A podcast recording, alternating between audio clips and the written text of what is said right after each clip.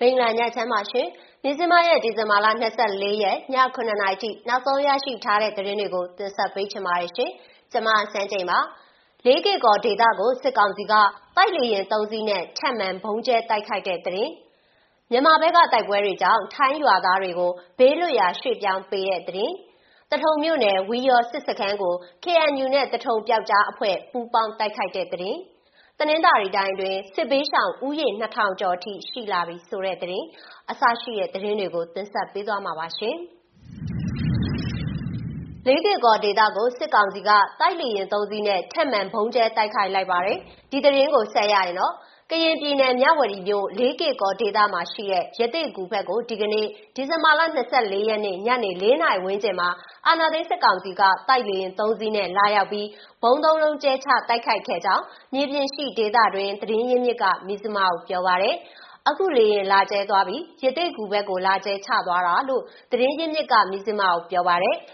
ဒါပြင် အာနာသိန်း စစ်ကောင်စီဘက်က လက်နက်ကြီးတွေနဲ့ပါ တောက်လျှောက် ပစ်ခတ်နေကြောင်း သတင်းရင်းမြစ်တွေက အတည်ပြုပါရယ် ဒီကနေ့ ဒီဇင်ဘာလ24ရက်နေ့ မနက်ပိုင်းအထိ နှစ်ဖက် ပစ်ခတ်တိုက်ခိုက်ဖြစ်ပွားတာ မရှိသေးပေမဲ့လည်း အာနာသိန်း စစ်ကောင်စီဘက်က လက်နက်ကြီးတွေနဲ့ တောက်လျှောက် ပစ်ခတ်မှုတွေ ပြုလုပ်ခဲ့ပါတယ် လေးကေကောဒေတာကို မနေ့က ဒီဇင်ဘာလ23ရက်နေ့ည10:00နာရီခွဲ ဝန်းကျင်ချိန်ကလည်း အာနာသိန်း စစ်ကောင်စီတပ်က လေကြောင်းနဲ့ဘုံနှလုံးကျဲချတိုက်ခိုက်ခဲ့ပြီး အခုချိန်ဟာ ဒုတိယကြိမ် လေကြောင်းနဲ့ လာရောက်တိုက်ခိုက်နေခြင်း ဖြစ်ပါတယ်ရှင်။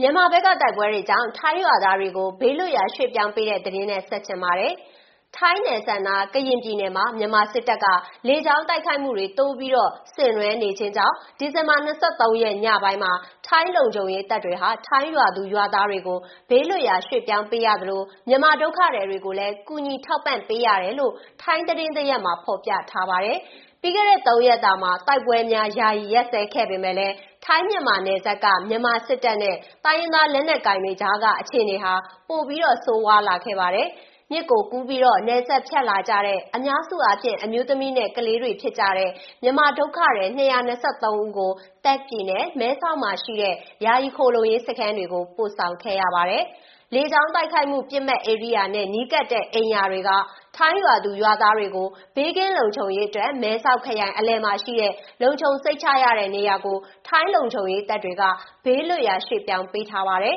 ။တိုက်ပွဲများကြားမှာ ရွာရှိပိုင်ဆိုင်မှုတွေကို စောင့်ကြပ်ဖို့ ရွာသားအုပ်စုတစုက ကိုပိုင်ဆန္ဒနဲ့ နေခဲ့ကြပါတယ်။ထိုင်းမြန်မာနယ်စပ်တလျှောက် မဲဆောက်ဖက်ချမ်းမှာ ဘေးအန္တရာယ်များတဲ့ နယ်မြေတလွှားမှာ ထိုင်းစစ်တပ်ဟာ နယ်စပ်လုံခြုံရေးကို ထပ်တိုးတင်းကျပ်ထားပါတယ်။နိုင်ငံတကာ စည်းမျဉ်းများအရ ဒဏ်ရာရ ဒုက္ခတွေကိုစေဝါပြုစုကုသပေးဖို့စေကျမ်းမာရေးအဖွဲ့တွေလည်းအစဉ်အသင့်ရှိနေပါတယ်ရှင်။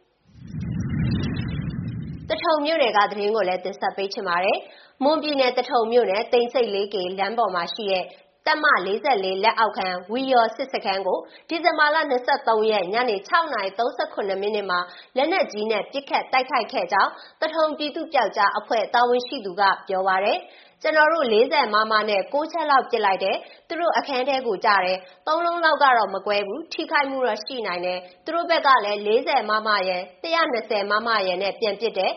9နာရီကျော်တဲ့အထိကို ပစ်တာ အချက်20လောက်ရှိပဲလို့ သူက ပြောပါတယ် စစ်ကောင်စီက လက်နက်ကြီးနဲ့ အချက်20ခန့် ပြန်လည်ပစ်ခတ်ခဲ့ပြီး လက်နက်ကြီး တစ်ချက်ဟာ ထုံးပိုလေးဖုန်ကြီးချောင်းကို ထိမှန်ခဲ့ပေမဲ့လည်း လူထိခိုက်မှု မရှိဘူးလို့ ဆိုပါတယ်။ဒီလောက်ဆောင်မှုကို ကရင်အမျိုးသား လွတ်မြောက်ရေးတပ်မတော် KNLA နဲ့တထုံပြည်သူ့ပြောက်ကြားတပ်ဖွဲ့တို့ ပူးပေါင်းလှုပ်ဆောင်ခဲ့တာ ဖြစ်ပါတယ်။ မွန်ပြည်နယ်တထုံမြို့တိမ်သိက်လေးကေ လမ်းမှာ တပ်ဆွဲထားတဲ့ စစ်ကောင်စီရဲ့ မာယောဝီစခန်းကိုလည်း ဒီဇင်ဘာလ23ရက်နေ့မှာ အဲ့ဒီပူပေါင်းအဖွဲ့က လက်နက်ကြီးနဲ့ တိုက်ခိုက်ခဲ့ပြီး စစ်ကောင်စီတပ်သားများတေဆုံးဒဏ်ရာရမှုတွေ ရှိခဲ့ပါတယ်ရှင်။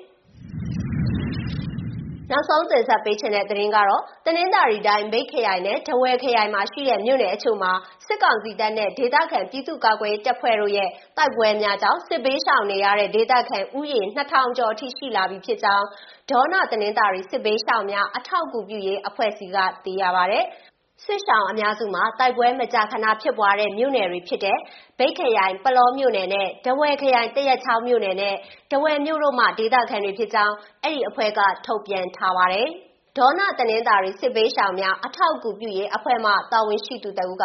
ပြောရတာတော့ခက်တယ်ပလောဘက်မှာဆိုရင် စစ်ဘေးရှောင်တွေ တောထဲမှာနေတာ ၃ လကျော်နီးပါး ဖြစ်နေပြီ နောက်ပြီးဒဝယ်ဘက် တောင်ပြောက်ဘက်နဲ့ ရေဖြူဘက်မှာလည်း ၂ လနီးပါး ရှိနေပြီဖြစ်တယ်လို့ ပြောပါတယ်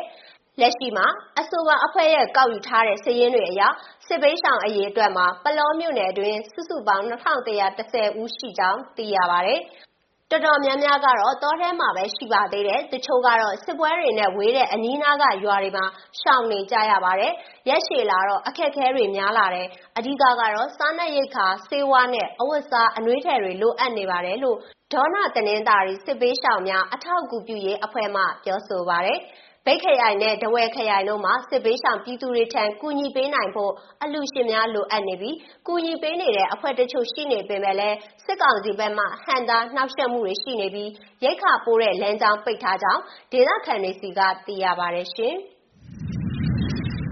ဒီဇင်ဘာရဲ့ဒီဇင်ဘာလ24ရက်ည9:00နာရီထိ နောက်ဆုံးရရှိထားတဲ့ သတင်းတွေကို တင်ဆက်ပေးခဲ့တာပါ ကြည့်ရှုအားပေးတဲ့အတွက် ကျေးဇူးအထူးတင်ရှိပါတယ် မြန်မာပြည်သူတွေ ဘေးအန္တရာယ်အပေါင်းက ကင်းဝေးကြပါစေရှင်။